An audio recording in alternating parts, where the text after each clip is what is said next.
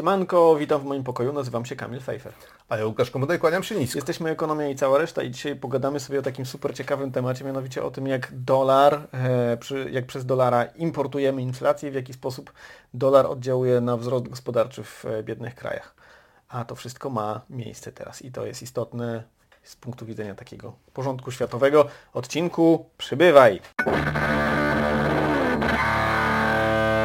Na początku, jak zwykle, jak tradycyjnie, pozdrawiamy naszych patronów i patronki e, oraz e, zachęcamy, o ile jeszcze nie znaleźliście się w tym zacnym gronie, do dołączenia e, do, do patronów i patronek na portalu Patronite. Jeżeli wpłacicie na rozwój ekonomii i całej reszty 10 zł lub więcej, trafiacie na, na specjalną grupkę, gdzie są najlepsi Polacy i Polki I, i tam będziecie mogli obejrzeć filmiki niedostępny nigdzie indziej. Oraz nasze rozkminy biznesowe, bo ostatnio się zastanawialiśmy, w jaki sposób e, wchodzić we współpracę. Możecie więc zobaczyć jak, Za, jak wygląda zaplecze tak. E, e, jakby decyzyjne, można powiedzieć, proces decyzyjny naszego zajbacu. jak, tak, jak wygląda kuchnia biznesowa tak ogromnych projektów. dobra, mamy takie bardzo ciekawe, taką ciekawą analizę z Department of Economic and Social Affairs ONZ-u, e, czyli takiej komórki analitycznej właśnie na temat tego, w jaki sposób kurs dolara wpływa na to, co dzieje się na świecie. Wpływa i na inflację, i na wzrost gospodarczy i pośrednio może wpływać też na niepokoje społeczne, o czym powiemy na końcu. No właśnie, w jaki sposób e, kształtuje się ten, ten kurs dolara? Najpierw zacznijmy od złotówki. E, nagrywamy to 20 października. E, kurs dolara to jest 4,85 mniej więcej złotego. Czyli już jesteśmy po tym spadku największym, kiedy mm, dolar przebił tą taką, e, jak to się mówi, psychologiczną, psychologiczną, psychologiczną granicę 5 złotych. On zaczął drożeć bardzo wyraźnie od momentu wybuchu wojny w Ukrainie. Przed wojną kosztował tak mniej więcej około 4 złotych. E, ale w takim długim trendzie, chociaż widać pewne takie fale sinusoidy, no to on drożeje od co najmniej um, 2000 od, od, kryzysu finansowego od tak kryzysu naprawdę. Finansowego. Od uspokojenia się sytuacji po tak, kryzysie tak. finansowym, e, który tak naprawdę mm, najbardziej jakby podważył wiarygodność mhm. gospodarki amerykańskiej, amerykańskiego systemu mhm. e, finansowego. Tak. Osoby, które oglądają to na, na, na YouTubie, e, a nie słuchają na Spotify'u, możecie teraz e, włączyć e, YouTube'a, zobaczą tą planszę z tym, jak, się, jak, jak wyglądała wartość dolara. Ja pamiętam, na, najniższa wartość dolara, tam od, mamy taki horyzont czasowy 2003-2022. Około 2008 2009 roku jest taki najniższy punkt i ten dolar kosztował wtedy 2 zł. Ja pamiętam, że były takie raperskie te teledyski, gdzie raperzy dzwonili z hajsu, ale dzwonili z euro i mieli takie walizki z, z eurasami, albo zazwyczaj są w, dolarach, e, to wtedy mieli w euraskach. Ale to jest krótka, krótka anomalia, nie, nie, nie przyjęła się, można powiedzieć. Teraz teraz raczej, e, raczej tendencja jest dokładnie odwrotna, mhm. nawet e, z, z, czasem się może okazać, że nawet funty brytyjskie nie będą tak fajnie służyć jako e, e, gadżet przy przykręcaniu raperskich teledysków. Mhm.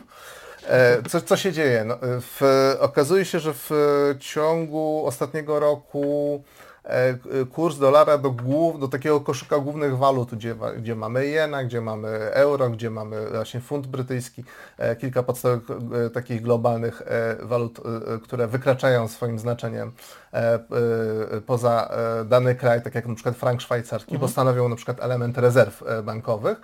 E, I okazuje się, że w stosunku do tych pozostałych głównych walut e, e, świata dolar zdrożał 20%. Mhm. Więc to nie jest polski wyłącznie problem, to jest problem globalny.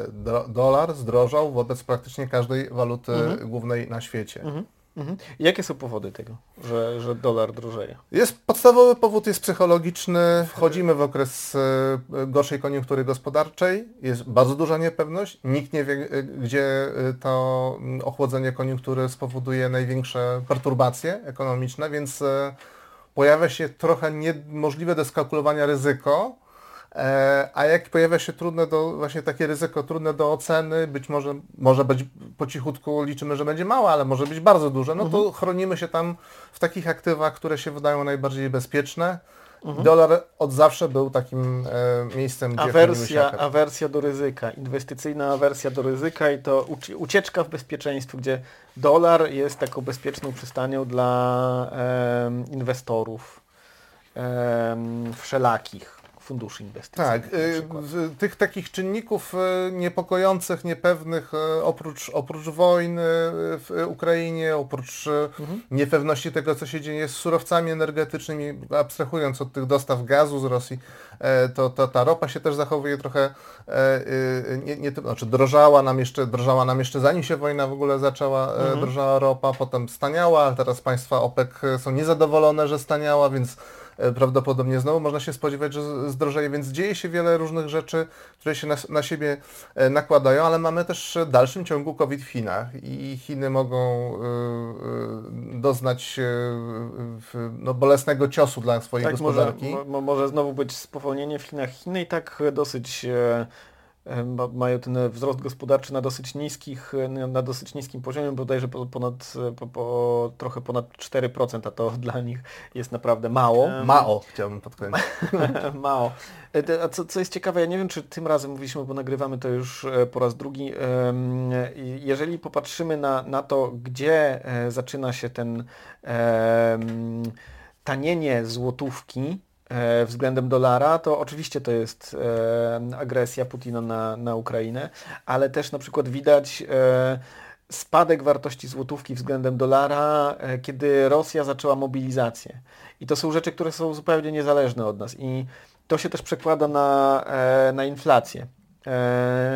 I już dochodzimy do tego punktu. Tak, właśnie. Ponieważ część inflacji jest importowana nie mamy, e, e, Narodowy Bank Polski nie ma sposobu, w jaki walczyć, e, w jaki można walczyć z tą importowaną inflacją, ponieważ część towarów jest kupowana przez Polskę na zagranicznych rynkach za dolary. Jeżeli więc dolar jest drogi względem złotówki, to my musimy kupować za drożej, a to później przekłada się na to, co widzimy w sklepach. Przykładem takich rzeczy, które kupujemy za, za dolary są na przykład surowce. E, ropa, gaz, pewno, zwłaszcza jak teraz będziemy kupować ze Stanów Zjednoczonych, to, to, to tak. E, pomimo tego, że ropa jest, e, już w, w, wróciła w zasadzie do, to mówiłeś, że państwa OPEC podkręcają, ale tak w okolicach normy jest takiej wieloletniej, to i tak na naszych rynkach, e, na, sorry, na naszych e, stacjach benzynowych widać, że ropa jest droga, a ona jest droga właśnie dlatego, że dolar jest drogi. Tak, nawet jeżeli cena baryłki została taka sama i będzie taka sama, to sam fakt, że dolar drożeje do złotówki, mhm. powoduje, że ceny paliw będą mhm. nam rosły. Mhm. mhm. Niewiele można z tym zrobić. Podrożał, e, tak, tak, do, do, dolar podrożał tak mniej więcej o 20% przez ostatni rok. E, I to widzimy między innymi na, na, na stacjach benzynowych. ale to oczywiście nie są jedyne, to nie są jedyne produkty, które kupujemy za dolary. E, natomiast to, co jest też ciekawe, to to, że dolar, drogi dolar przekłada się między innymi na wzrost gospodarczy, ale raczej na niższy wzrost gospodarczy w krajach e, rozwijających się, ponieważ my, jako że jesteśmy w takim Szczególne miejsce na świecie. obszarze mhm. gospodarczym, gdzie no, dużo się handluje na przykład walutą e, transakcyjną jest euro, no to my jesteśmy trochę bardziej bezpieczni, ale kraje rozwijające się w bardzo dużym stopniu opierają się na dolarze i one jeszcze silniej e, importują inflację. Jeżeli jeszcze silniej importują inflację, a same są biedne, to dla nich te delikatne nawet, chociaż one nie są delikatne, wahnięcia przekładają się na wzrost gospodarczy, ponieważ na przykład ich e, banki centralne muszą znacznie wyżej podnosić stopy procentowe, a duże podnoszenie stóp procentowych powoduje ryzyko recesji. W dodatku kraje, które, się roz, e, które są e, jeszcze rozwijające się, jeszcze nie, nie dołączyły do takich stabilnych i bogatych gospodarek, jak Polska, co brzmi w niektórych uszach oczywiście yy, yy, trochę może zaskakiwać, ale tak jest. E, e, my mamy ten przywilej, że dużą część naszego długu obsługujemy w złotówce. E, zarówno obligacje emitujemy w złotówce na rynku wewnętrznym i to jest e, wewnętrzny, że tak powiem, e, nabywca tych obligacji, co powoduje, że mm, ten dolar tutaj nie będzie tak bardzo przeszkadzał. Ale jak jesteśmy w Afryce subsaharyjskiej, i jesteśmy, reprezentujemy Ministerstwo Finansów i chcemy, e, e, chcemy uzupełnić środki budżetowe, e, mamy deficyt, no to musimy je pożyczać i pożyczamy zazwyczaj w dolarze, co oznacza, że pożyczamy drożej, i drożej też kosztuje nas spłata tych odsetek, które musimy uregulować w każdym roku E, żeby pokryć nasze zobowiązania z poprzedniego okresu. To powoduje jeszcze pogłębienie e, problemu, bo mamy mniej pieniędzy do dyspozycji na przykład na usługi publiczne, mhm. na inwestycje e, w mhm. infrastrukturę. E, więc to, to, to, są, to, są, to są te czynniki, one się wszystkie jakby nakładają i dodają do siebie. Mhm. To też pokazuje zresztą, że Stany Zjednoczone wciąż są imperium. My mieliśmy taki odcinek o Stanach Zjednoczonych, możecie zobaczyć. E, jest e, chyba ciekawy, w ogóle dużo osób strasznie go obejrzało. Jest to imperium źle zaprojektowane, z bardzo kiepskimi drogami, e, z bardzo dużą, dużym odsetkiem osób, które są biedne, jak na imperium, ale wciąż, wciąż są imperium, co widać właśnie w tej strefie fi finansowej, w tej sferze finansowej. Tak, tak. Nawet jeżeli już uznamy, że Chiny mają większe PKB niż Stany Zjednoczone, no to jeśli chodzi o rolę dolara w gospodarce, no to ona jest nie, nie, dalej nieporównywalna do, do, do, do, do roli mhm, Yuana. Mhm. E, dolar jest dalej podstawową e, walutą w rezerwach banków, e, w, w rozliczeniach, w, no praktycznie w każdej sferze, która dotyczy finansów, ten dolar będzie się, będzie się pojawiał, więc to, co się z nim dzieje, ma nieproporcjonalnie duży wpływ na całą mm -hmm. gospodarkę światową. Decyzje Fedu, czyli podwyższenie stóp procentowych, które powodują to, że, że dolar jest silny, może mieć też wpływ jak, jako że to jest imperium, e, mo, może mieć taki wpływ niezamierzony oczywiście na kraje rozwijające się, znaczy może to destabilizować sytuację e, społeczną i polityczną również, jako że mówiliśmy, że te e, ruchy dolara na, na rynku prze, przekładają się na, na ich wzrost lub raczej spadek e, PKB. A, a spadek PKB to zwolnienia, czy mniej miejsc pracy?